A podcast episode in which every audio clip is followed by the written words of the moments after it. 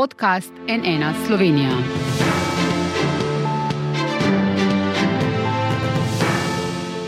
Gospa Nataša Pircmusar, gospod Anže Logar, dober dan, dobrodošla na NN. Dober dan, hvala lepa za povabilo. Uh, danes se boste znašla v situaciji, v kateri doslej še nista bila. Zanima nas, kaj se zgodi, ko ostaneta sama. Čemu boste dala poudarek? Uh, sprašujemo se, ali sta res sposobna, kot sta v tej kampanji večkrat oba obljubila, doseči dogovor tudi o stvarih, o katerih se morda ne strinjata in kakšnega. Kdo od vaju prevzema pobudo in pri kateri temi? Eh, kdo od vaju se bo danes eh, pokazal kot boljši voditelj um, in ali bosta danes morda tudi nevede razkrila še kaj o svojih osebnostih. Vse to bomo videli, uh, zato, ker izvolita, studio je samo vajen. Hvala lepa.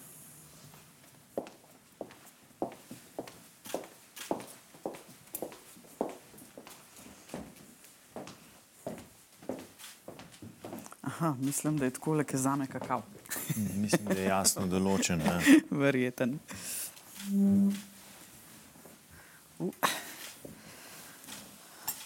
Marička, pa res stov. Uh, ja, nič, kolikor vem, sva zdaj že uh, uživo.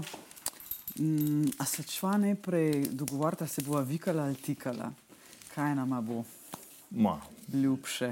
recimo, da glede na to, da smo se na soočenjih vikala, predlagam, glede na to, da je to soočenje tudi, V redu, da se še naprej tudi vikava, tako kot vedno v teh velja. uh, soočenjih.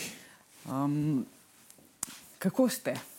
Uh, jaz sem prijetno utrujen, um, zadovoljen nad um, delom, ki sem ga v času te kampanje naredil, uh, zadovoljen tudi nad uh, odzivom, ki sem ga bil deležen na terenu, um, pa v nekem veselem pričakovanju uh, nedelje, ki bo zagotovo igra živcev.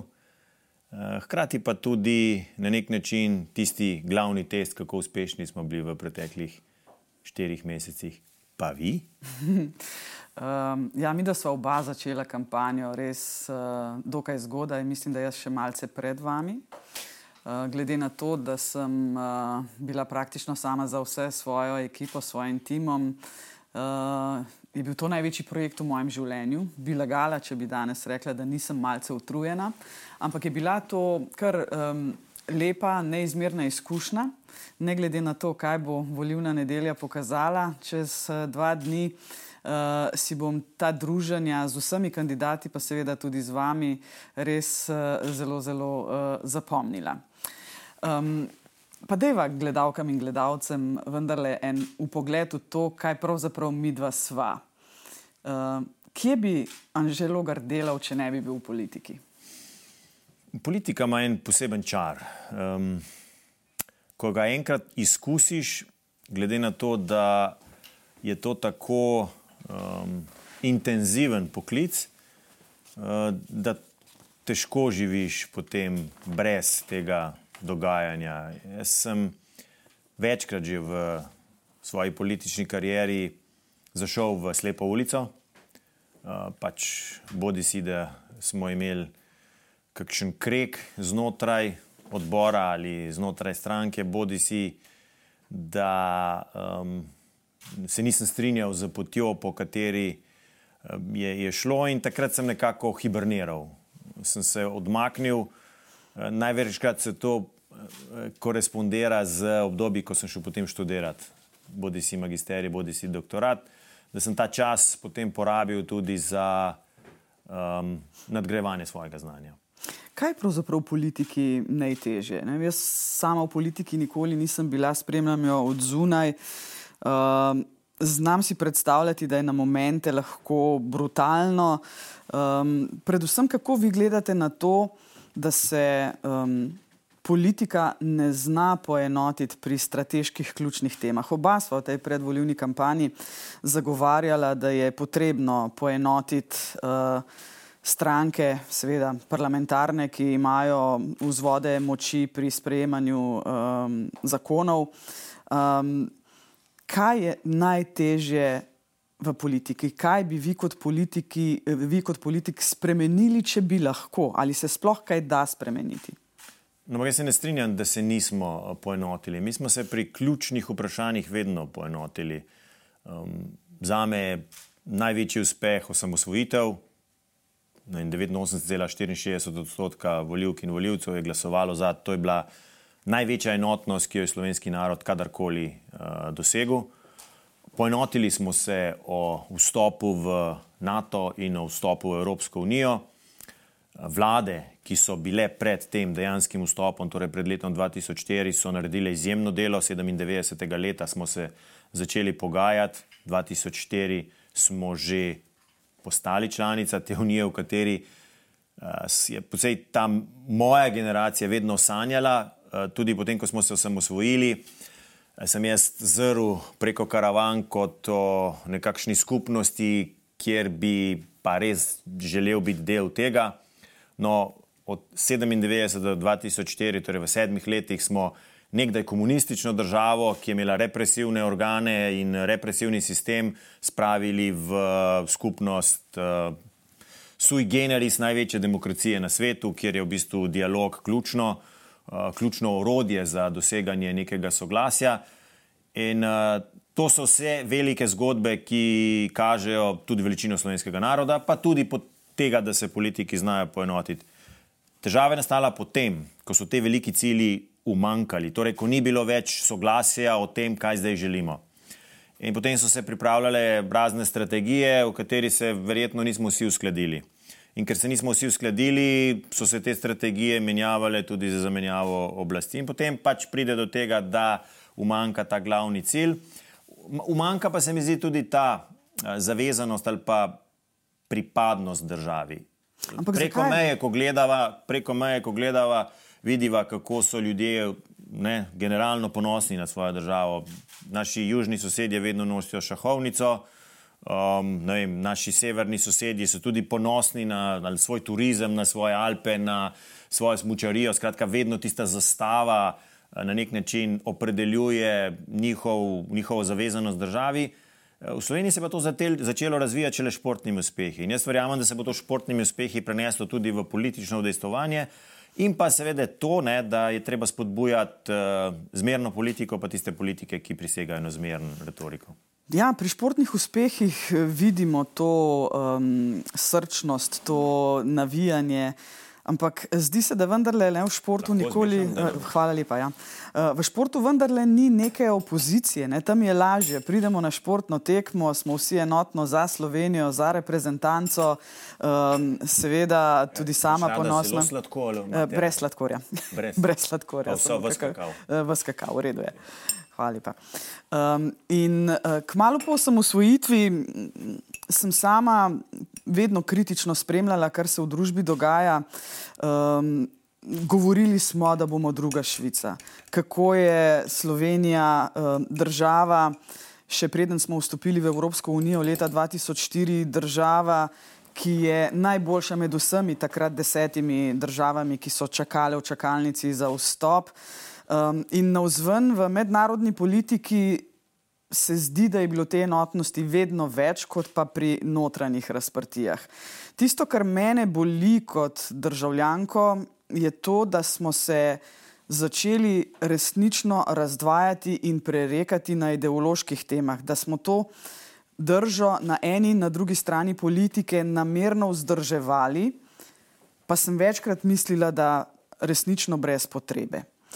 A se lahko, gospod Logar, morda danes vsaj malce pogovarjava o javni radio televiziji. Ne mi zameriti, moje stališče poznate, izhajam iz tistega okolja, zelo, zelo z nesrečnim srcem spremljam, kar se tam dogaja. Uh, nekako niste podali še svojega stališča o tem, kaj si mislite o tem, kar se zadnje mesece dogaja, predvsem na informativnem programu televizije Slovenija. Vendarle ste enkrat v svoji pretekli zgodovini imeli dokaj jasno stališče o slovenskih medijih, ne bova pogrevala tiste depeše, saj ste že večkrat v soočenih na to odgovorili. Um, resnično bi si želela, da morda zdaj le v parih minutah odkrito spregovoriva o tem, uh, kar se dogaja v javnem servisu, kaj pravzaprav je javni interes, kaj je poslanstvo javnega servisa, zakaj se na javni radio televiziji, predvsem informativnem programu, zaposluje ljudi, pri katerih je jasna strankarska pripadnost. Um, večkrat sem poudarila, da govoriti o uravnoteženem novinarstvu ni prava pot, je pravzaprav na nek način deplasirano. Po mojem mnenju je ravno javni servis, radijski in televizijski tisti, ki mora skrbeti za tisto najvišjo možno profesionalnost v novinarstvu.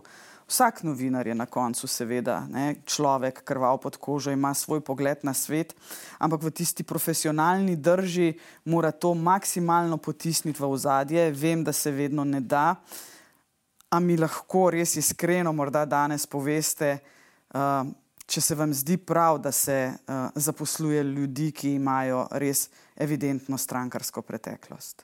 Z vaše strani. Lahko nekaj vprašam? Seveda. Zakaj vi vedno nastopate iz pozicije, da veste vse? To pa ni res. In da imate prav. Recimo, meni je zelo, um, mene moram reči, da je zelo presenetila vaša včerajšnja intervencija na Tarči, ko ste poimensko navedli posamezne novinarje. Um, jaz nisem začutil, da bi za nekim pozitivnim kontekstom navajali te novinarje. Jaz niti nisem vedel, kdo vodi odmeve. Eh, in kdo bo gost. Vi ste očitno imeli to informacijo. Ampak tam ste omenjali tudi gospoda Luko Svetina. Um, z njim ste brez težav opravili tudi intervju v, na, na domovini. Drži. In ste se mu zahvalili za korektni dialog. Drži. Ja. Um, zakaj novinar ne sme biti v enem ali pa drugem mediju in zakaj mora na koncu koncev Nataši Pirc Musar odgovarjati, da ima službo v neki uh, javni instituciji? Sej ni potrebno, da odgovarja meni. Tu ste zdaj zašli na polje, ki ga sama nisem izpostavila. Rekli ste, da sem se postavila na stališče, da imam vedno vsem prav. To je popolnoma napačno izhodišče. Ko debatiram ali pa ko mi dva debatirava, vsak poveva svoje mnenje. Moje mnenje, seveda, v javni radio televiziji je. Mm, vsaj mislim, da nasprotno vašemu, ker vašega mnenja še do danes nisem slišala, niti ga zdaj niste želeli povedati. Um, gre za to, da se vprašamo, kaj je tisto, kar je prav, kaj je poslanstvo javnega medija. Moje mnenje je v tem seveda popolnoma jasno. Ne govorim o tem, da je tako absolutno prav, povem pa svoje mnenje in tega se ne bojim, tega se ne bom bala niti kot uh, predsednica.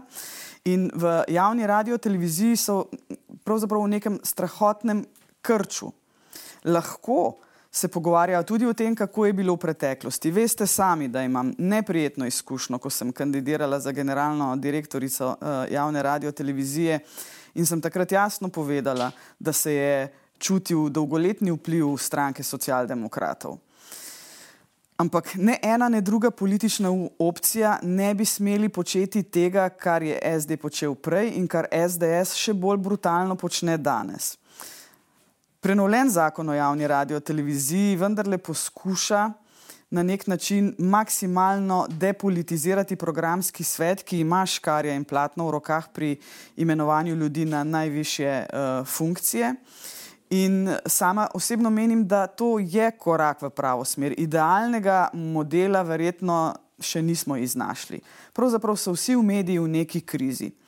Javna radio televizija pa vendarle mora imeti popolnoma drugačno stališče do politike in politikov in tudi pri zaposlovanju. Tukaj ne govoriva o Novi 24, ne govoriva o N1, kjer danes sva, ne govoriva o Pop TV-ju, ampak govoriva o javni radio televiziji. Poslanstvo te javne radio televizije je povsem drugačno.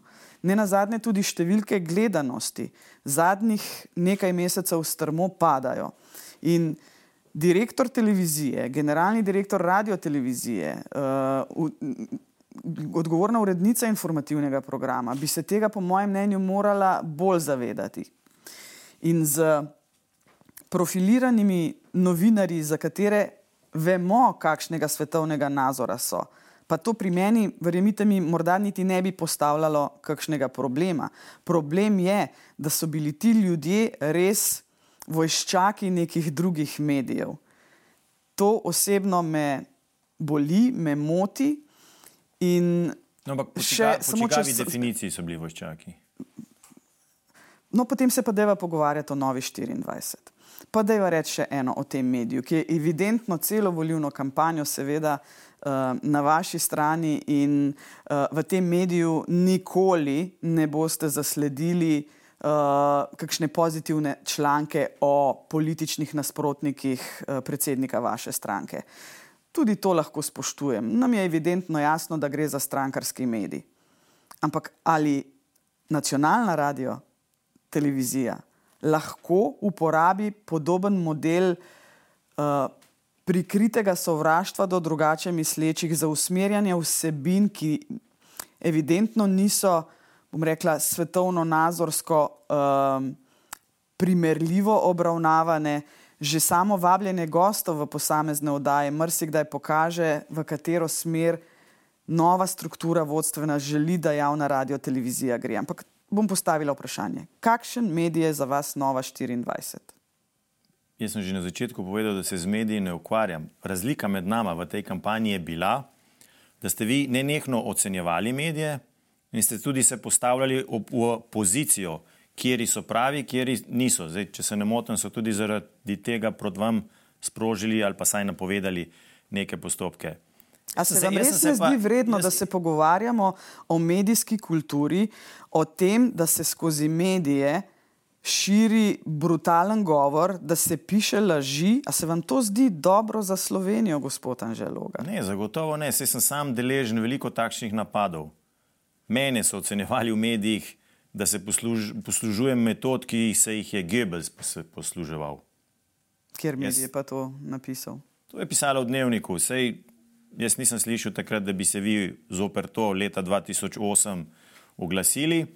Ampak Jaz sem leta 2007 in 2008 kot direktor urada vlade za komuniciranje dejansko spoznal brutalnost medijskega sistema v, v vseh smerih. In jaz se od takrat naprej z mediji pač ne ukvarjam, jih ne komentiram, um, jih spoštujem, delajo tisto, kar delajo.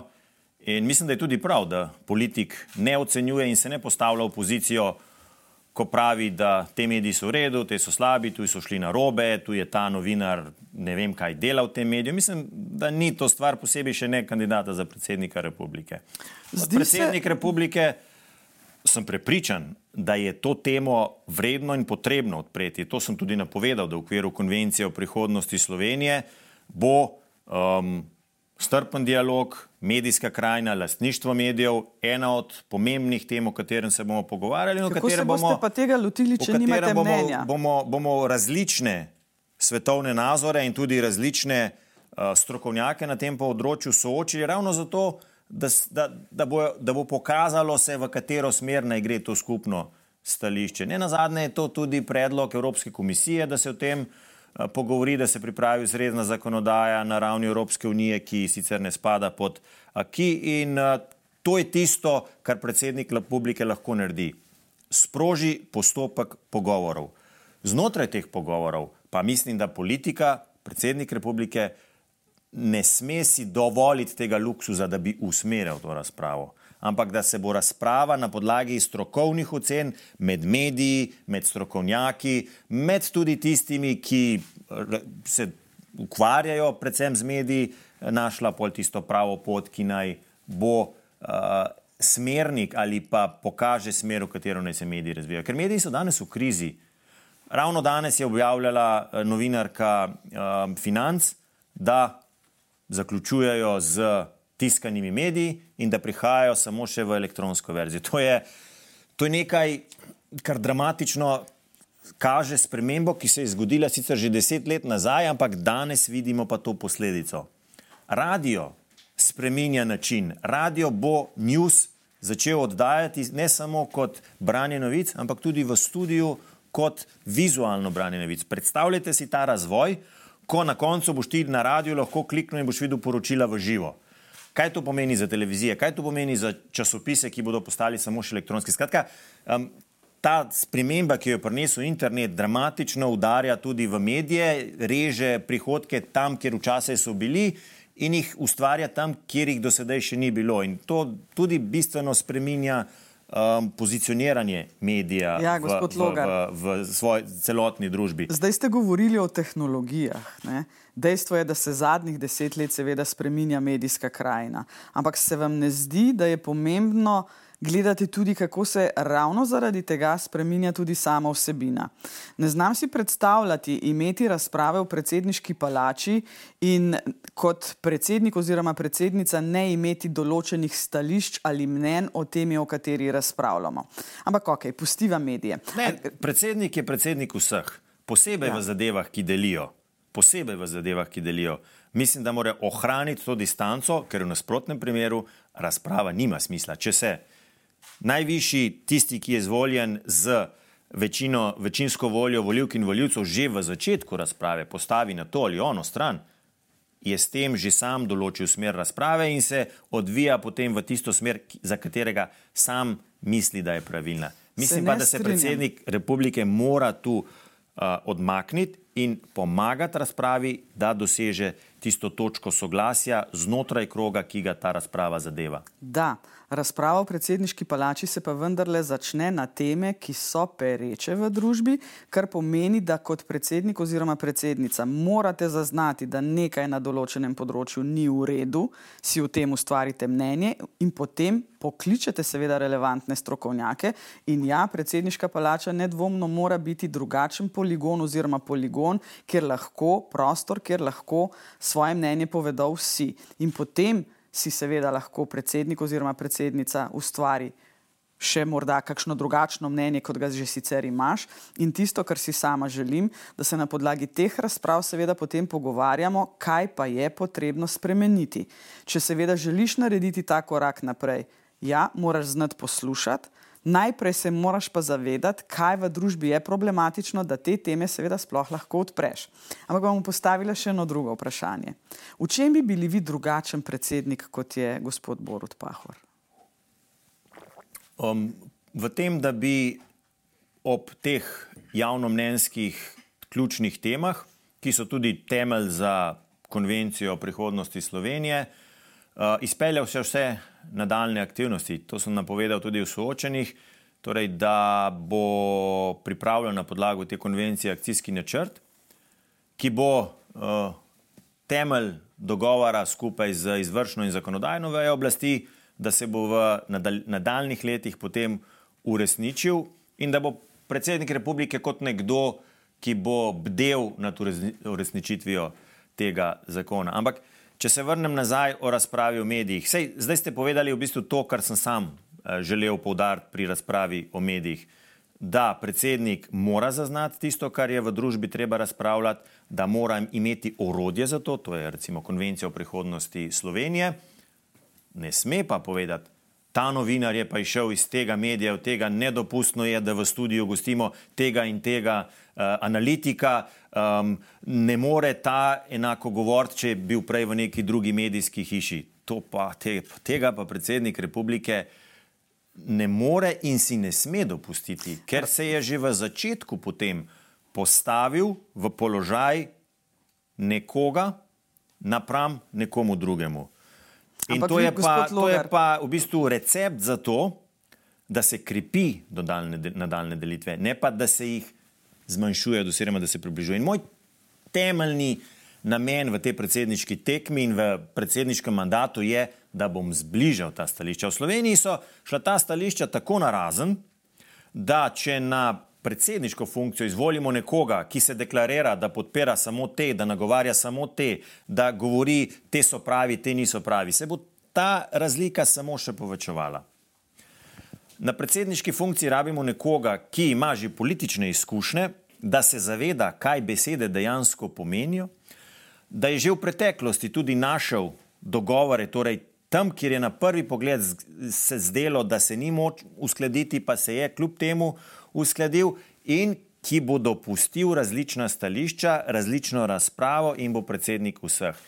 In v tem pogledu mislim, da če pet let vodimo tako politiko, bomo videli tudi konkretne rezultate na terenu, politika bo manj skregana, ljudje bodo bolj sproščeni, ljudje bodo bolj začutili Slovenijo kot priložnost, kjer lahko svoje um, cilje, svoje želje, svoje strasti uresničijo, ne pa kot neko državo, kjer je vse že vnaprej odločeno, kjer vsi vejo, da zdaj je pa ta ta pravi, aha, zdaj pa ta smer je prava.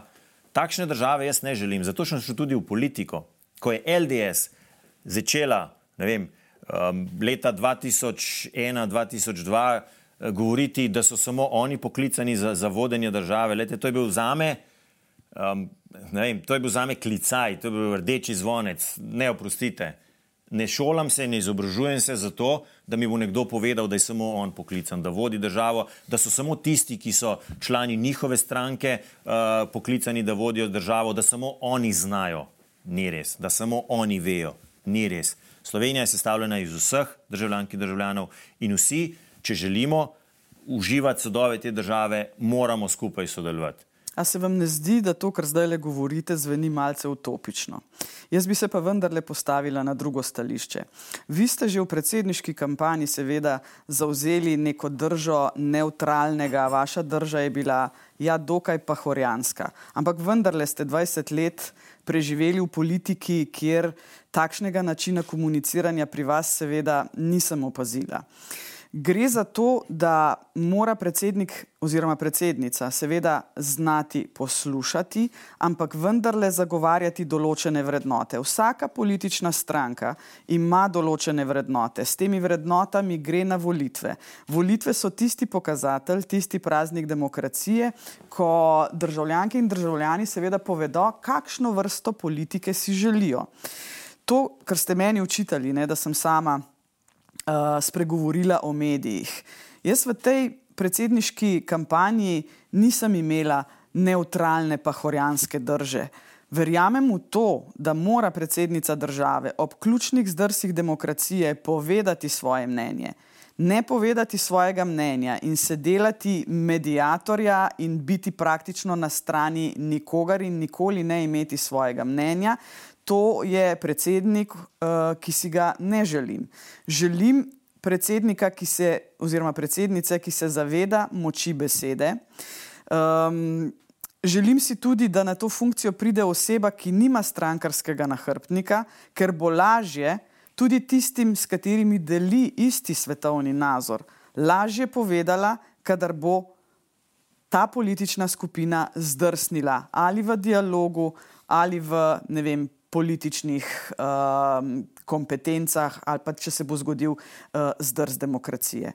Vloga predsednice republike je po mojem mnenju izjemno, izjemno pomembna ravno v tem, da se da z te funkcije poenotiti politiko na ključnih strateških temah.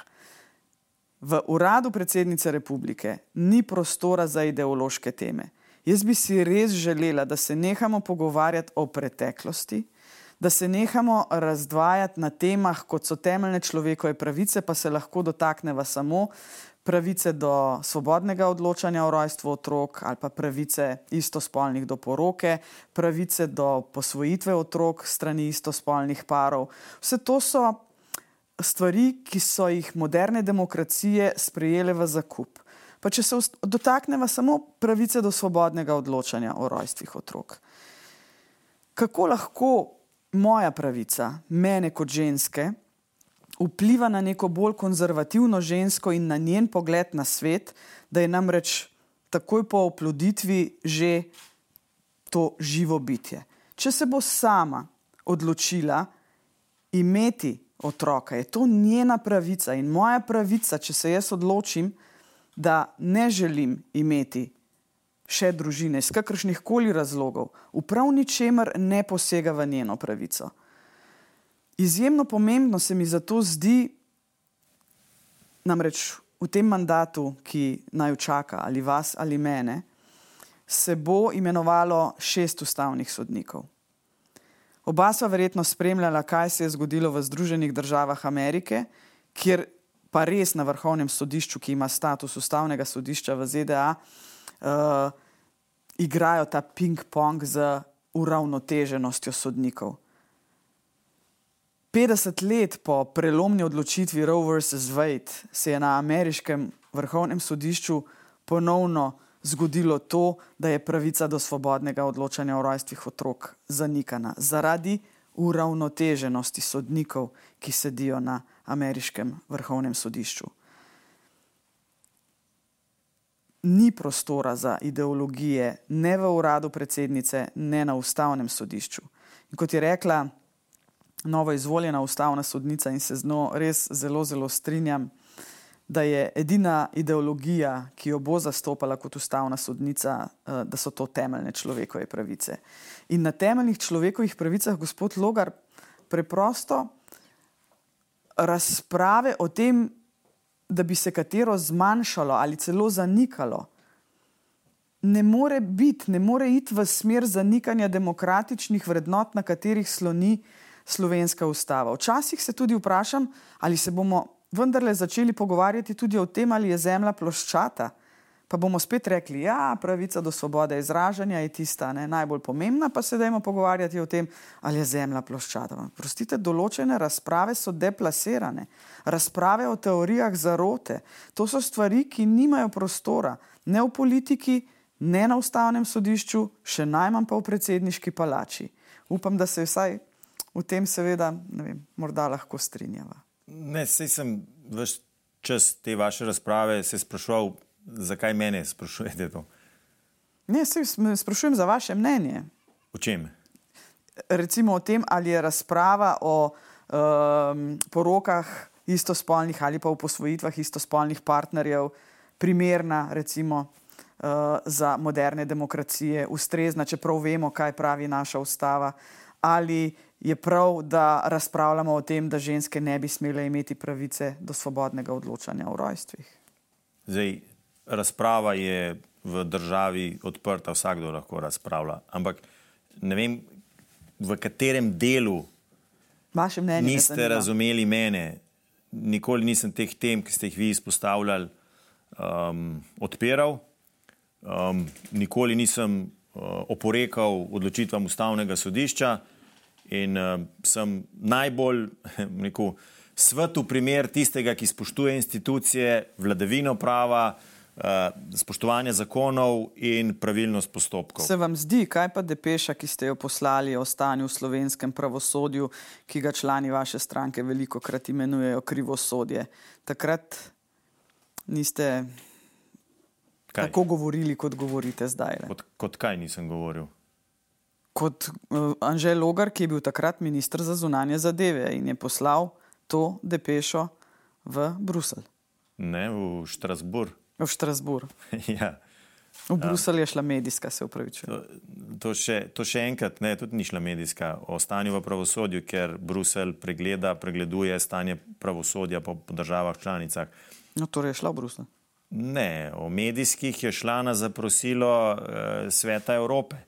Ampak to sem že stokrat razložil, jaz verjamem, da vi razumete, ampak pač iz verjetno političnih vzgibov to zadevo vsakič znova izpostavljate. Ministrstvo za, Ministrstvo za zunanje zadeve pošilja po depešnem sistemu naprej zaprosila, ki jih dobi od resornih organov. Če se ne motim, je enako ravnalo Ministrstvo za zunanje zadeve tudi, ko je dobilo od MNZ-ja za vaše zaprosilo, da naj po DKP-jih izbirajo podpise za vašo kandidaturo. Skratka, na, ena, na, enak način, na enak način je MZZ reagiralo v vašem primeru, kot je reagiralo v tistem primeru. Ko je, Logar, ko je, pri eni od teh depeš ste napisali je, spremni dopis. Ko je, ne, ne, kot, kot, je, ne? kot je UKOM posredoval eh, zaprosilo, da se to pošlje na svet Evrope. In ministrstvo za zunanje zadeve v tem primeru nima uh, neke možnosti odločanja, ja, veste, mi se pa s tem ne strinjamo, tega pa ne bomo poslali. Ampak, Ampak mora ravnati zaradi napisali tega, ker je spremni dopis, pri drugem je, ga niste. Ker je Ministrstvo za zunanje zadeve tisti organ, ki preko svojega sistema komunicira z tujino. V nasprotnem primeru bi bil v Sloveniji kaos. In verjetno je dobro, tudi da to razpravo imate, da tudi se seznanite s tem, kako funkcionira državna uprava, glede na to, da niste imeli še funkcije v državni upravi oziroma v vladi. seveda sem jo imela. V vladi ne, v vladi ne. In uh, te postopke je treba spoštovati, ker v nasprotnem primeru pride do nasprotnih stališč strani različnih resorjev. Ampak zakaj ste pri enem napisali spremni dopis, pri drugem ga niste? Pri katerem? Pri medijski ste napisali spremni dopis, pri pravosodju pa ne, ali je bilo obratno, se, se upravičujem. Ja, treba Pri jasno enem, vedeti. pri kje. enem ste ga napisali, ne?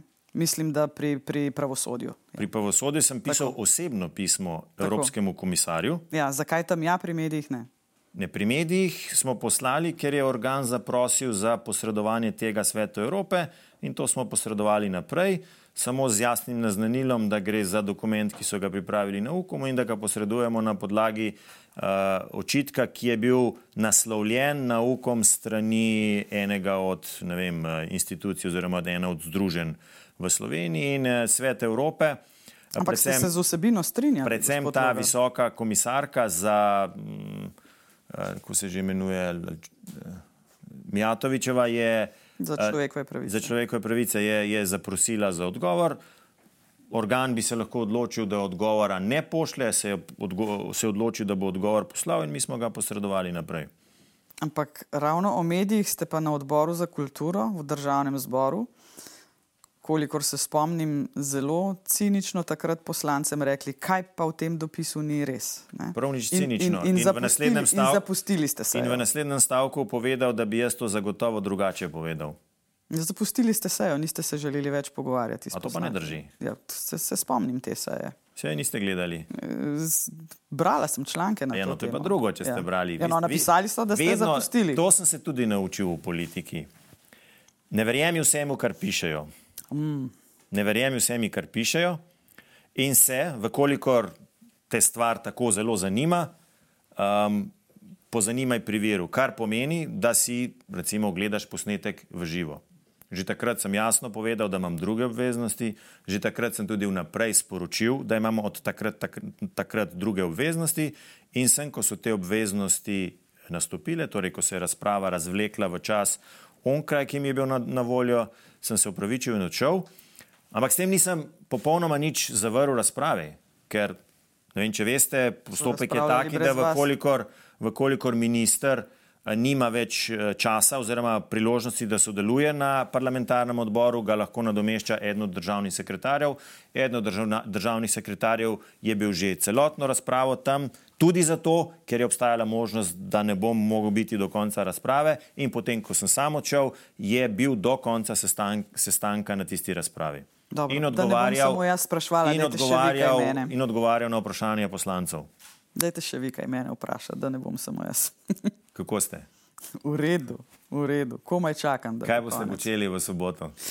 V soboto imam še en intervju za avstrijsko radio televizijo, potem seveda počitek in ja, čakanje rezultatov v uh, nedeljo. Nedelja pa čist, Čist prosta. čist prosta. Čist prosta. Vi greste na kakšno goro? Ne. Katera- je vaša najljubša gora? Um, najtežja za enkrat sta bile dve, um, škrlatica pa rombon. In, uh, zdaj v tej kampanji sem šel na rombon, ko sem sam že ocenjeval, da imam res dobro kondicijo in sem uh, precenil svoje sposobnosti. In uh, v prvih um, treh urah hitev do vrha, potem me je pa praktično zmanjkalo, zato sem potem za zadnjo uro in pol potreboval zadnje atome moči in vsakih 20 minut, skoraj sem se mogel za 5 minut ustaviti, da sem se spet na, nabral. To me je v bistvu na nek način tudi izučilo, kako je uh, pomembno, da uh, sile, ki jih imaš, uh, pravilno razporediš v, v, v tej kampanji. Ampak ste malce utrujeni, ne? Ja, ja, Saj sem, sem, oba, sem, ja. sem, sem, sem, Spomnim se, um, ko sem jedla skupaj začela to kampanjo. Jaz imel neko simpatijo do tega, tudi zato, ker smo skupaj začela. Tudi In, jaz. in uh, uh, morate priznati, da ko se je pojavil, Aha. Pride, pride še nekdo. Eh, Ko se je pojavil, ko, ja. ko, ko se je pojavil um, tretji kandidat, Milan Brgles. ja. sem jaz sam pri sebi rekel, to je prepozno. To je prepozno. Mm. Čeprav so vsi mediji, pa vse javno mnenjske v tistem času govorile, da to ni res, da je kar naenkrat del seks mahina ja, ja. prišel, ki bo naredil udar mar in popolnoma. Se je pokazalo, da je red. bilo prepozno. Pravičujem, spoštovana kandidata. A je že pol ure minilo? Je že, uh, vidim, da se je debata kar razživela. Če dovolite, bi se vam uh, malo pridružil in morda najprej uh, tudi vprašal, če niste opazila, uh, kaj se je v bistvu predvajalo tu na velikem ekranu za menoj. Tu so ne. bile nekatere fotografije. Ja, jaz sem opazil, da ste predsednika stranke objavljali, da ste mene da. v nekih slikah objavljali. To sem opazil, ja, z delčkom očesa. Da, tudi vas, recimo, ko boksate, vas, vas. Aha, zdaj boste ja, videli, ja. za gospod, ker tudi to smo pokazali, ne, kaj, googlajo, uh. kaj googlajo o vama, tole googlajo o vas, gospa Pircmusar, kot vidite, ja, o, seveda ja, o vašem ja. možu, o ruski dači, morda kak komentar tega. Kaj, da to googlajo? Da. Sej v bistvu so čez celo kampanjo se je nekako pokazalo, da je bil Aleš pravzaprav osmi kandidat, ne, zdaj v tem drugem krogu je pač tretji kandidat. Uh, Neštetokrat sem morala pojasnjevati vse to. Uh, če so googlali, so verjetno res lahko ugotovili, da so vse te informacije prosto dostopne, ravno zaradi uh, transparentnosti najprej mene same, ker sem celotno premoženje svoje in Aleševo objavila na spletnih straneh. Vidite pa um, tudi, da ljudi to dejansko zanima. res zanima. Ja, pa izobrazba, vidim, ok. Da, bomo videli ne, zdaj ne, tudi. Ne, zanima mož. Hiša. Ja, ja, no sej, ne, pravim, da je bilo upravičeno ja, pravi, z, ja, zanimanje tudi ja. nas novinarjev in v imenu javnosti. Ja. Zdaj, bomo videli, zdaj bomo videli tudi za vas, gospod Logar, kaj googlajo torej, o vas. Dobra, žena. Uh, no, torej, če je pri gospod Pircmusar na prvem mestu, mestu, mož je pri vas seveda izobrazba, izobrazba Twitter. Ampak to pa vidite, to, kar ste mi skozi hoteli, um, ta je tudi novinarski, ne? ker ste hoteli najti tweet, kjer bi jaz bil kaj oster ali ne. Verjetno je javnost tudi zanimalo, o čem vi tweetate in seveda potem tudi dedek. dedek ja. Eh, zanimiva, zanimiva prigoda v zvezi s tisto fresko v, v, v Vili Bled, kjer ste gostili ameriškega državnega sekretarja Majka Pompeja in je bila tista freska, na kateri so uh, tudi rdeče zvezde prekrita, ampak vi ste potem to šele kasneje izvedeli in tudi zbiranje podpisov ja. uh, tudi zanima. Zanima ljudi.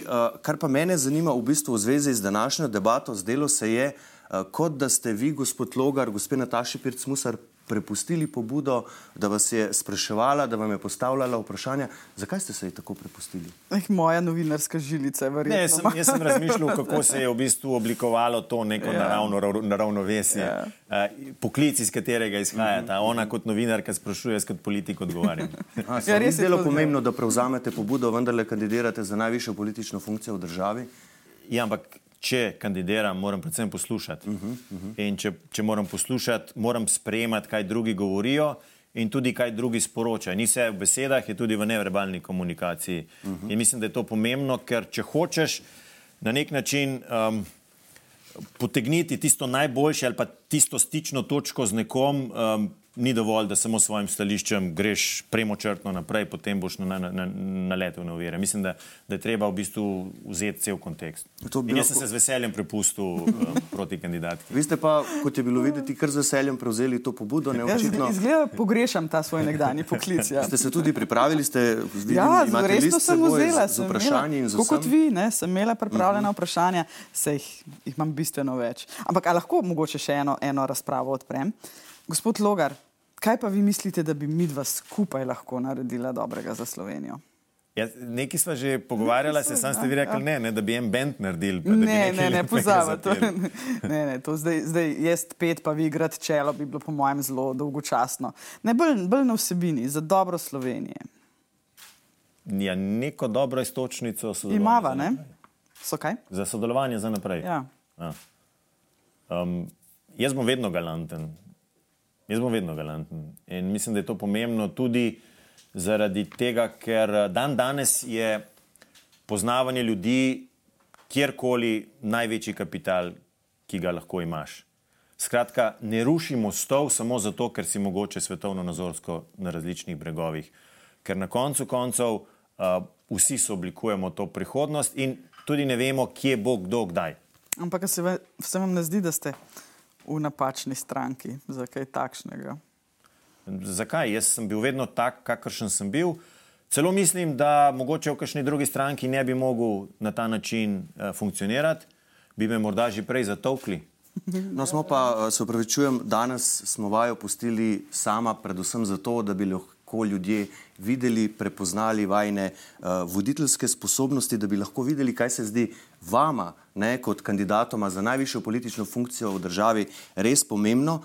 Torej, In tudi do tega, kakšna... časa, da bi se vsega dotaknili. Ampak ne, vsaj nek občutek o tem so pa zagotovo dobili, tudi o tem, kako se pogovarjata, ali se lahko tudi dogovarjata in o nekih temah dosežeta dogovor, tudi če se ne strinjata. To sem vam v bistvu rekel, tudi preden sem vaju um, nekako povabil v ta studio sama in nisem zaznal, da bi se dogovorila kaj pomembnega uh, oziroma sklenila da se boste tega držala, ne glede na to, kdo od vaju bo novi predsednik oziroma predsednica republike in kdo se po nedeli uh, vrača v staro službo. Kaj ne si zdaj uh, mislijo voljivci, ki ste jim vse čas kampanje dopovedovala, da ste tega zmožna?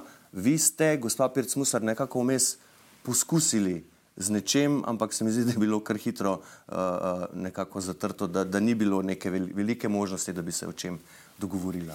Pa se je razumljivo. V času predsedniške kampanje eh, moramo vendarle poudarjati vsak svoje lastnosti, vsak svoje prednosti. Ampak govorite zadnje... o pozovanju, sodelovanju. Ne, Govoriva pa, oba. Uh, sej sem vesela, da, da um, več um, politikov tako razmišlja.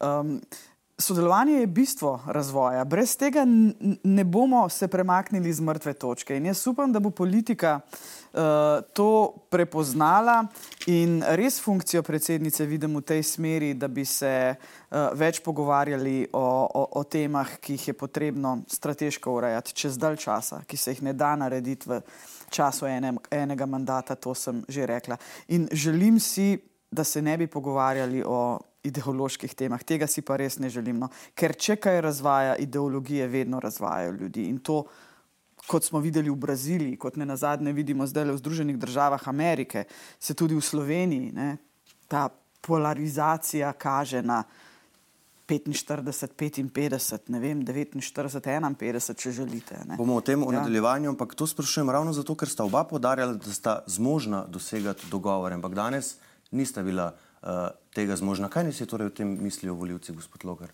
Da smo se zmožna kulturno pogovarjati uh -huh. in da je to dobro izhodišče za naprej. Brez kulturnega dialoga, brez vzajemnega spoštovanja, tudi dogovorov ne more biti. Mhm.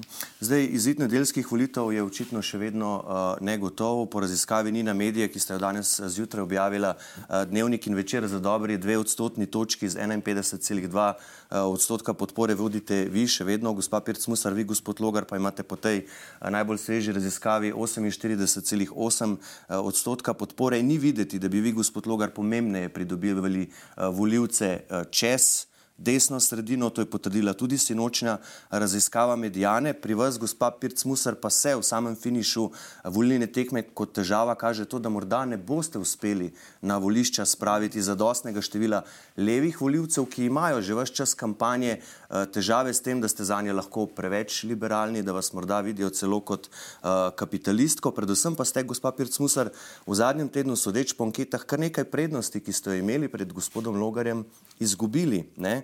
Uh, vaša naloga. Uh, lejte, uh, še pred tednom dni vam je Nina Medija, ne, rezultate sem prej navedel, namerila skoraj 62 odstotkov podpore. Ja, mislim, da je bil vzorec zelo nizek, no, če se prav spomnim. Vzorec, je vzorec je bil, zdaj je malo čez tisoč, pa, takrat je bilo pa okoli 700. Uh, je razlika, ampak bistvena pa ne, je pa bistvena razlika v namerjenem odstotku. Moje vprašanje je, torej, vaša naloga je spraviti na volišče voljivce, ki bodo glasovali proti kandidatu, ki ga podpira SDS in s tem za vas. Boste z morebitno zmago z glasovi proti vi zadovoljni? Ne gre za za in proti, mislim, gre, gre prej za za in ne za proti. Ne želim si, da gredo ljudje na volitve voliti proti nekomu. Vse, da ne morejo obkrožiti tistega, za katerega so za. Um, res je, da je. Zadnje čase v političnem dialogu, uh, ki ga spremljamo v določenih medijih, vse usmerjeno na to, da bi bila volivna udeležba nizka. Uh, velik napor se vlaga v to. Sama moram seveda vložiti velik napor v to, da volivna udeležba ne bo nizka. Pravilno ste ugotovili, da so me uh, risali in označevali v medijih za nekega tajkuna, za človeka, ki to preprosto ni. Nisem takšna, jaz sem celih 25 let popolnoma enaka, niti za kanček mi ni bilo potrebno spremeniti mojih vrednot, uh, zagovarjam jih vedno enako goreče in srčno. In, uh, levi politični pol je drugače discipliniran kot desni politični pol. To se opaža že tako zadnjih 32 let. Seveda, levemu političnemu polu ni šlo na roke, da uh, je bilo toliko kandidatov na uh, levi strani. Ne? Vse to so stvari, ki jih pač moramo vzeti v zakup, ampak veste, voljivke in voljivci so že v prvem krogu pokazali, kaj si mislijo. Takrat sem jaz dobila 26,88 odstotka, torej skoraj 27 odstotkov. Naslednji kandidat levega političnega pola, mislim, da 14 odstotkov, pa še nekaj.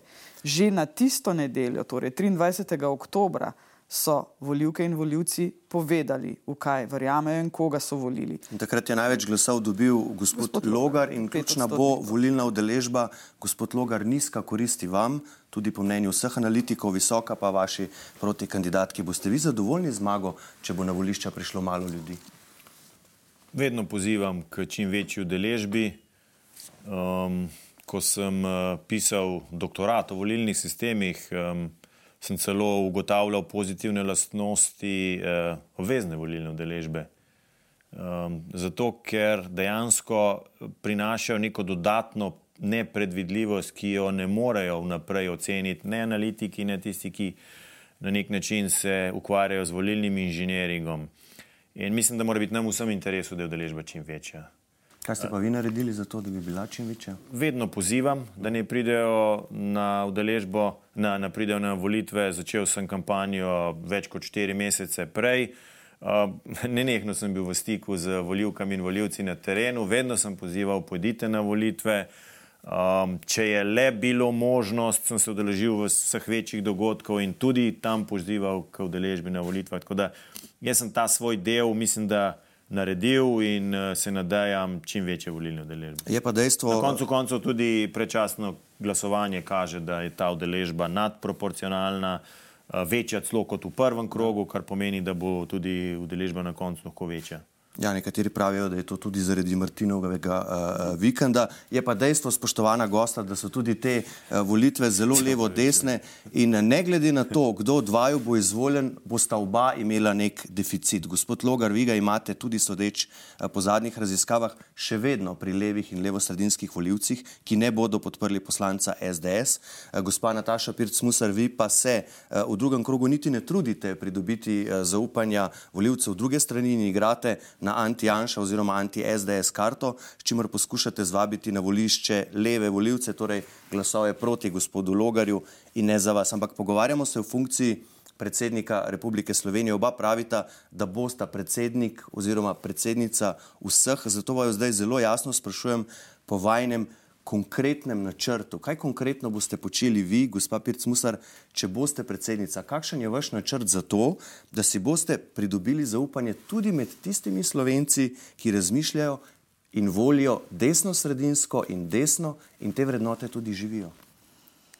Popolnoma irrelevantno bo to po 13. novembru. Takrat, ko bom postala seveda predsednica, bom seveda predsednica vseh državljank in državljanov, vseh slovenk in slovencev. To je jasno. V predvoljivni kampanji sem že večkrat povedala, sem se zauzemala za, za kulturo dialoga. Veliko voljivcev in voljivk na terenu mi je reklo, da je bila to res zgledna kampanja zaradi vseh nas, vseh sedmih, ki smo bili v tem. In verjamem, da so prepoznali, da znam komunicirati, veliko se gibljem med ljudmi, ki ne delijo istega svetovnega nazora kot ga sama. In stvar, ki jo bom počela v predsedniški palači, zakaj se bom zauzemala? Večkrat sem že povedala, štiri ključne teme imam in na teh temah bom res garala.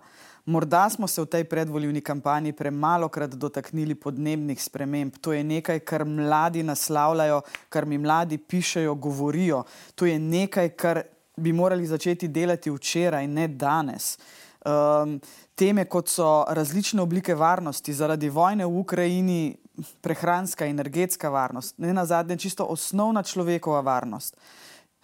zdravstvo, pokojninska reforma. Vse to so teme, ki niso nabite ne z ideologijami, ne z nekim pretiranim političnim nabojem. Ampak... Delala bom na temah, kjer se mi zdi potrebno res poenotiti državljane in državljanke seveda preko politike, ker drugače ne gre. Je pač sistem predsedniške funkcije v ustavno ureditev Slovenije uh, umeščen. Na to je, če, če vas prav razumem, vaš načrt, še to, gospod Pirc-Musar, če boste vi predsednica, bodo vsi trije najpomembnejši politiki v državi ideološko z istega pola, torej levo od sredine.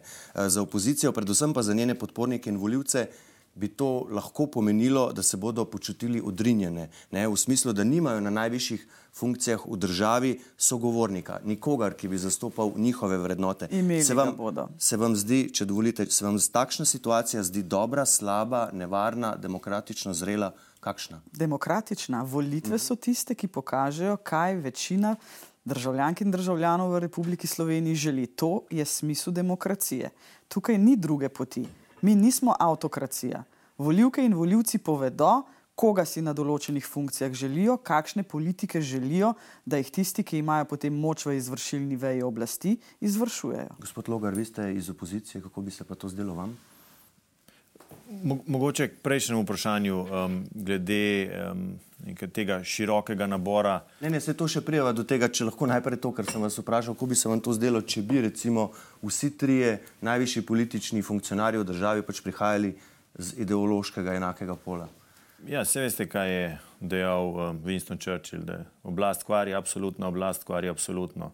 Uh, mislim, da nek, nek nadzor oziroma neka ravnovesja in vzvode uh, demokratični sistem potrebuje, že zato, da omejuje morebitno samo pašnost uh, neke druge veje oblasti. To je tudi temeljni, uh, temeljna ideja za pač delit, načelom delitve oblasti, ker ena drugo potem nadzira. In mislim, da je takšen nadzor lahko samo dober in doprinaša k demokratičnemu dialogu. No, tudi zato, ker eh, potem nikomor ni tako zelo enostavno po svoje uh, maširati na podlagi tega, kar sam misli, da je najbolje, pa če tudi ni za državo. Uh -huh. Lahko samo dodam, ne? ravno Kratko. sama predstavljam točno to. Jaz nisem članica nobene stranke. Ampak se pa umeščate sami s svetovni nazor, tudi vi imate svojega, vsak ima svojega. Ampak jaz nisem upeta v strankarsko politiko. Veliko večjo legitimiteto in moč bom imela, da lahko komuniciram res z vsemi, ne glede na moj svetovni nazor. Nimam strankarskega nahrbtnika, to je dodana vrednost. No, pri, pri gospodu Tirku se je ravno to pokazalo kot največja šibkost. On je v bistvu najslabši predsednik v zgodovini Slovenije, ker ni znal uh, poiskati te širine.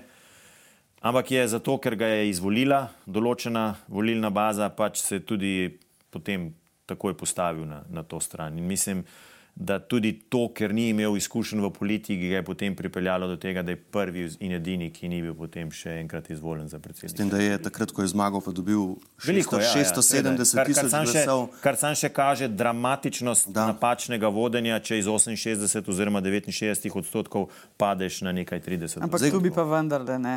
Mislim, nekomu reči, da je bil najslabši predsednik v zgodovini Republike Slovenije, se res upravičujem. Gre za enega najboljših vrhunskih diplomatov, kar jih je Slovenija premogla. Gre za človeka, ki se ravno tako celo življenje ukvarja s temeljnimi človekovimi pravicami in vsak, ki pride na predsedniško funkcijo, poskuša maksimalno dobro upravljati funkcijo. Ne bi se strinjala, da je bil dr. Danilo Tirk najslabši predsednik, res ne. No, ampak vse prej ste povedali, da so voljivci tisti, ki odločajo, da, da. kdo je in oni ja. so, ko je ponovno šel testirati svoj mandat, zelo jasno povedali, kaj ja, se je. Izvolili Boruta. Dejstvo pa je, da se je uh, Milan Kučan, torej eden od dveh bivših predsednikov, ki podpirata vas, bolj kazal v javnosti in bolj, bomo rekli, temu vključil v kampanjo, gospod uh, Danilo Tirk pa niti ne. Predvsej uh, je po svetu, sva pa komunicirala. Gospod Logar, uh, kot rečeno že prej, ne, Po zadnjih raziskavah še vedno niste pomembneje prepričali voljivcev levo od sredine in tudi vi pravite, da boste predsednik vseh. Torej, vaš konkreten načrt, recimo v petih točkah, kaj boste počeli, če boste vi predsednik za to, da si pridobite zaupanje mm. v delu javnosti, kjer ga nimate? Ja, jaz najprej razumem to um, neko um, uh, rahlo zadržanost pri tem, da bi podprli vem, mojo kandidaturo. Uh, tudi zaradi na nek način um, razlogov, ki so pripeljali do tega in neke nenapisanega pravila, da v Sloveniji imamo lahko samo levo-sredinske predsednike in tako naprej.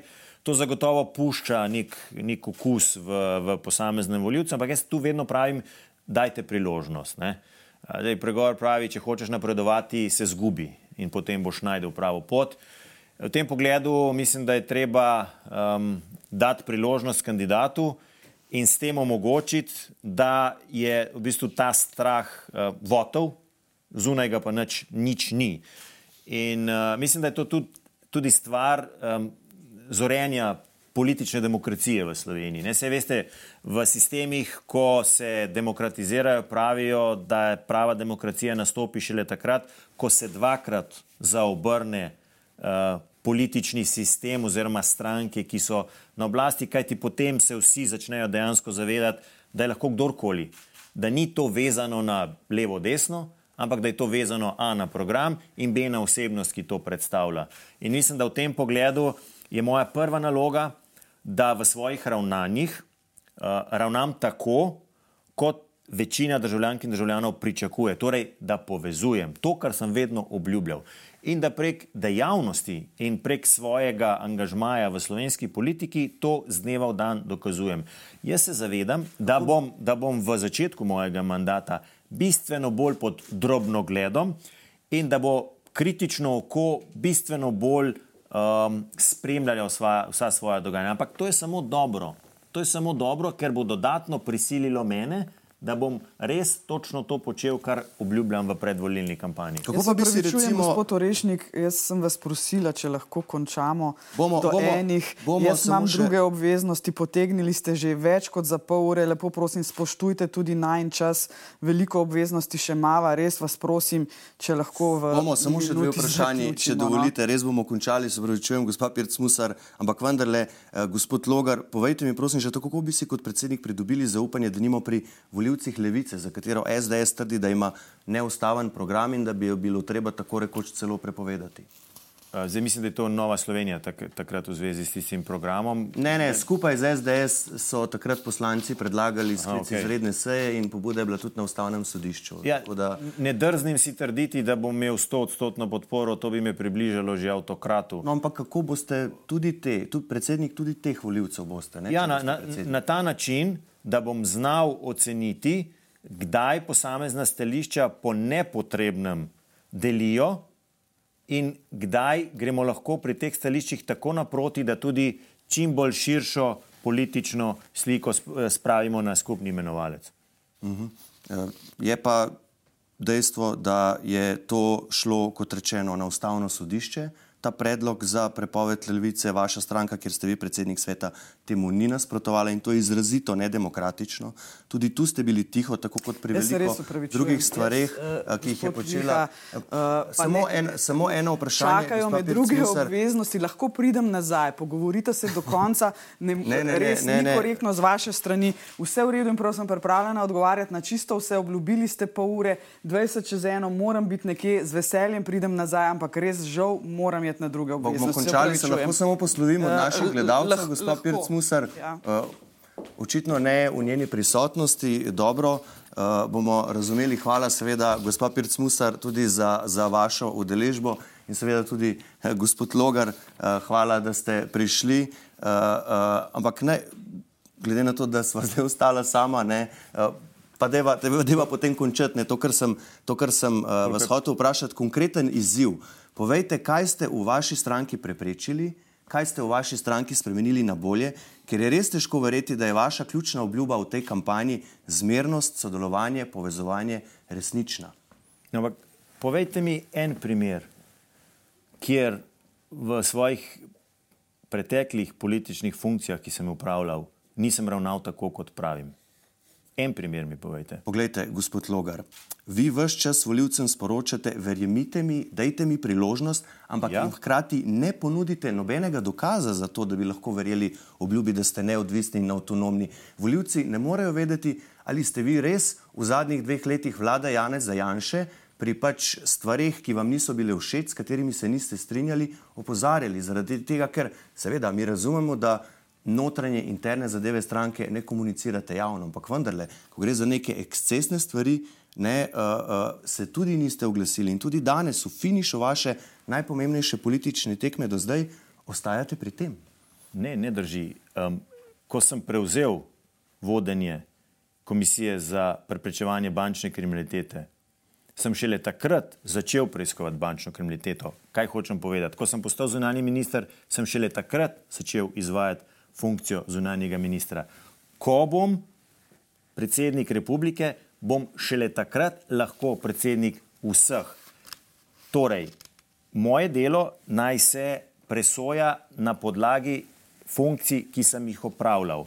Vprašajte kogarkoli, kogarkoli iz preiskovalne komisije, ali sem kdaj oblastno ravnal, ali pa smo v vseh stvarih dosegli absolutno soglasje.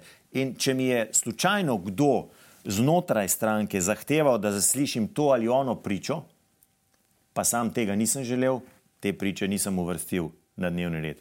Zunanje ministrstvo, enako, tiste stvari, ki sem sam ocenil, da so ključne za slovensko zunanjo politiko, sem jih izvedel in tudi za vse ključna vprašanja dobil soglasje v državnem zboru, v tistem razgretem ozračju, ko so drugače stranke kul. Negirale čisto vsak ukrep, ki ga je vlada sprejela. In vprašajte bivše ministre, vam bodo povedali, da če se s čem, čem nisem strinjal, sem jim to tudi povedal. Je pa res, da nisem Twitter politik, ki bi potem to obešal na veliki zvon, ker mislim, da je ključno, da sistem funkcionira. Kaj ti komu pomaga, če recimo zaradi neutralnih soglasij razpade vlada, pa v kritičnem trenutku ko je treba zagotavljati medicinski material, um, naj sprejemati naj, najnujnejše ukrepe, potem tega ni. Mislim, da, je, da to pa vsak lahko razume. Zagotovo pa velja, da ljudje, voljivci, uh, obljubam verjamejo, če se imajo na kaj nasloniti, če se lahko naslonijo na neko dejanje ali izjavo iz preteklosti. V tem primeru potem voljivci nekaterim obljubam lažje verjamejo, uh, bova pa na tej točki to debato zaključila. No, mislim, da je ravno danes, mislim, da je ravno danes preko socialnega omrežja nekdani vodja službe za zakonodajo povedal, da ko se v eni zadevi nisem strinjal, sem med odmorom šel do njega in mu povedal svoje v obraz. Tako pač Bomo... počnem, ne delam pa to pred kamero, ker mislim, da to ni pravilno. In še, še to, če smem. To je tudi moj sistem, ko bom ravnal kot politik, kot predsednik republike. Če se s čem ne bom strinjal, ne bom na vrat na nos to objavil preko Twitterja, ampak bom sklical vrh slovenske politike in svoje nestrinjanje med tistimi, ki vodijo vsakodnevno politiko, to tudi razložil in obelodanil. Vkolikor tam ne bo razumevanja za to, pa bom imel vso legitimiteto, da to tudi jasno in javno povem. Bomo videli, če vam je uspelo voljivce s tem prepričati. Ob tem morda samo še beseda, da je očitno pri komunikaciji s štabom Nataše Pirc-Musar glede časovnice tega današnjega soočenja prišlo do nekaterih nesporazumov. Seveda obžalujemo, ampak se jih hkrati seveda zahvaljujemo, da je prišla, da je sodelovala pri tem zares posebnem soočenju na ene. Hvala pa seveda tudi vam, tudi gospod Anžel Logar, ja. za vašo udeležbo. Smo nazaj v studiu NN Slovenija, sicer je od uh, današnjega soočenja predsedniških kandidatov minila že več kot ena ura,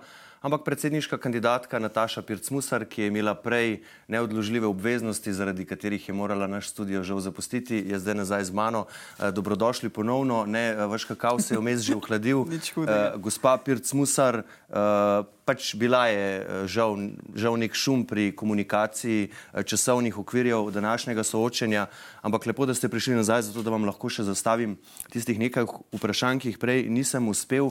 Zakaj vi nikjer niste javno rekli, da odklanjate podporo ljubljanskega župana eh, Zorana Jankova, Jankoviča, ki vas je večkrat podprl pred temi volitvami? Dovolite, da se vam najprej tudi osebno iskreno upravičim, no, ker sem zaradi teh obveznosti res morala zapustiti studio sama sem vedno navajena biti točna, res nisem mogla drugače. Upam, da moje upravičilo uh, sprejmete in sem vesela, no, da sem lahko prišla nazaj in da opraviva oba svojo obveznost do konca. Hvala za upravičilo, zdaj pa odgovor na vprašanje. Ja. Uh, gospod Zoran Jankovič me v prvem krogu ni podprl, niti ga nisem prosila za podporo, tudi v drugem krogu ga nisem, to podporo je pač dal.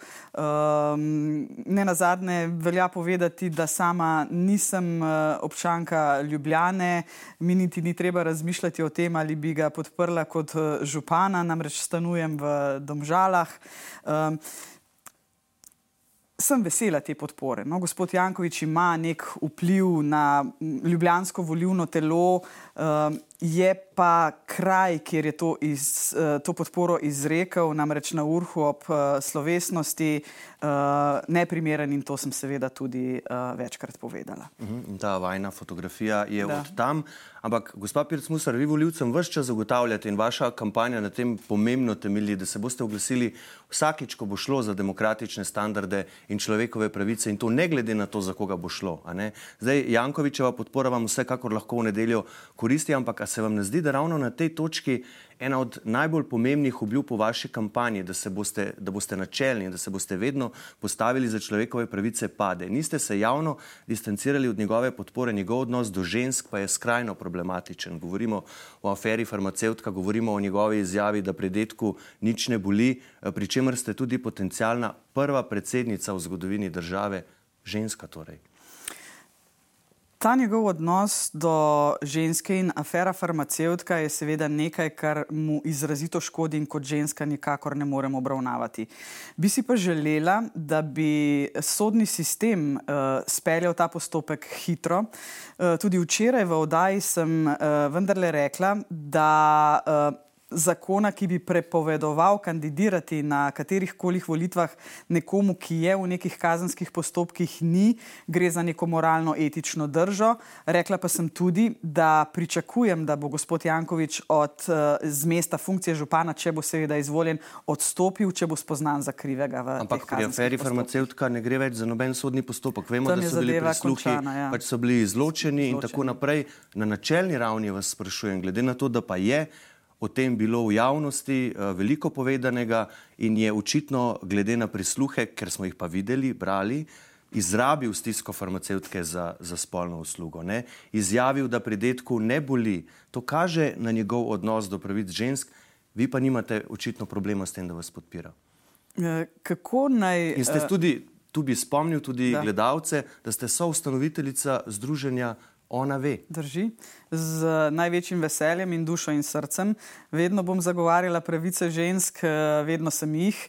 In uh, nedopustno je to, kar je storil, če je to seveda res, zdaj se v to ne bom uh, spuščala. Um, čisto iskrena, če sem bi morda pričakovala, da se bo sam opredelil do tega, da bo morda sam pri sebi razčistil, ali ima še nek moralni obraz ponovno kandidirati za župana. Uh, sama seveda vpliva na to nimam, lahko pa seveda obsodim to dejanje in ga tudi obsojam. Niste se javno odrekli njegovi podpori, obenem pa govorite, da boste vedno branik človekovih pravic in na tem temelji vsa vaša kampanja. Zak, zakaj pričakujete, da se bo zdaj javno odrekla nečemu, za, za, za, česar, nis, za, kaj, za kar nisem prosila? Nisem prosila za to podporo, uh, nisem je niti pričakovala. Tako bi lahko simbolno branili človekove pravice, ne? ker pravite, da jih vedno boste. Simbolno. Ker bi s tem pokazali vaš odnos oziroma vaše zelo jasno stališče do nekih ravnanj, za katere sami pravite, sami pravite da, da, da, da niso sprejemljiva. Vse sem povedala, da niso sprejemljiva. In to bom vedno zagovarjala. Večkrat lahko to poudarim in tudi danes v tej oddaji sem in tudi včeraj sem podarila, pa že kdaj prej tudi. Ne? Gospod Jankovič se je odločil kandidirati vprašanje njegove etike in morale. Ne, ne, ne, jaz vas sprašujem o njegovi podpori vam, o tem se pogovarjava, ne o tem, da on kandidira za župana. Če že niste se javno, ne, ampak eh, zanima me, ali ste se na tem mestu potem pripravljeni javno odreči njegovi podpori vam ali ne? Lahko se tudi odrečem tej njegovi javni podpori, ampak za nekaj, za kar ne prosim. In res nisem niti pričakovala, lahko pa jasno in glasno povem, da uh, sem bila presenečena, ko je to izrekel na urhu, nisem tega pričakovala in ja, prav nič prijetno mi ni pri duši, da sem to podporo dobila. Aha, torej, če prav razumem, da razjasnimo na tem mestu, zdaj ravno kar ste se odrekli Jankovičevi podpori? Vsi se ne moremo odreči nečemu, za kar nisem prosila. Glejte, on jo je izrekel javno, ljudje so to slišali. Jaz lahko zdaj le stokrat rečem, da mi ta podpora uh, ni blizu, mi ni ljuba, to sem tudi rekla. Lahko tudi rečem, odrekam se podpori gospoda Jankoviča, ampak s tem seveda prav nič ne dosežem. Nisem delala na tem, nisem za to podporo prosila, niti nisem prosila za podporo stranke Svoboda, niti ne SD-ja. Prišli sta ti dve podpori v drugem krogu, uh, na nek način sta seveda logični, in ja, zdaj moramo vsi skupaj um, pozivati, predvsem uh, ljudi, da gremo na volitve 13. novembra. To je tisto, kar je za me osebno v predsedniški kampanji pomembno. Še zadnje vprašanje, kakšen pa bi bil vaš odgovor v primeru, da bi šlo pri tej zadevi, o kateri smo se zdaj pogovarjali, za Jana Zajanša in ne za Zorana Jankoviča? Mislite, Govorili da, enako? Mislite, da bi me gospod Janez Ne, ne, Janša ne podprl? govorimo o podpori. Če bi Janez Janša počel te stvari, o katerih sem prej govoril, da jih je počel Zoran Jankovič. Nima popolnoma nobenega pomena, kakšne politične pripadnosti je o tem nekdo. Pomembno je, kakšen odnos do žensk ima. In če bi imel tudi gospod Janez Janša slabega, pa je že enkrat tudi z eno svojo izjavo pokazal, kako razmišlja o ženskah, dveh novinarkah, ki jo je označil za prostitutke. Skratka, tega mizogenega govora uh, je ja, žal ga na obeh straneh, kdaj pa kdaj opazimo. Ja. Bi rekel, Morda da prepogosto. Bi rekel, pa da ste malo bolj ostri do, do Janša kot do Jankoviča. Uh, je pa še ena razlika. Janša je bil pravnomočno obsojen za tisti tweet o prostitutkah, Jankovič pa nikoli za no- nobeno od teh stvari. Uh, sta pa bili dve pravnomočni obtožnici v zvezi z njegovim uh, tudi uh, delno vodenjem mestne občine Ljubljana. Seveda, zadnjo besedo imajo kot vedno volivke in volivci in jo bodo imeli tudi v nedeljo. Za danes pa, gospa Pirc Musar, hvala za vaše sodelovanje in tudi za to, da, da ste prišli nazaj in da ste še odgovorili na ta preostala Ne, vprašanja. malenkost in res hvala za razumevanje in za to, da ste sprejeli moje upravičilo. Hvala pa tudi vam za vašo pozornost in ob tej priložnosti vas seveda še enkrat povabim, da ste z nami tudi v nedeljo na volilni večer, uh, tam nekje, ko se zaprejo volišča, uh, seveda ob 19. uri bomo z vami, uh, prinašali vam bomo vzdušje v obeh volilnih štabih, izjave vseh glavnih akterjev, analize, komentarje in seveda kasneje se preselimo tudi v novinarsko središče na gospodarskem razstavišču, odkudar se bomo oglasili tudi uh, s prvim intervjujem z novim predsednikom ali predsednico Republike Slovenije. Iz studija NN pa le še hvala in nasvidenje.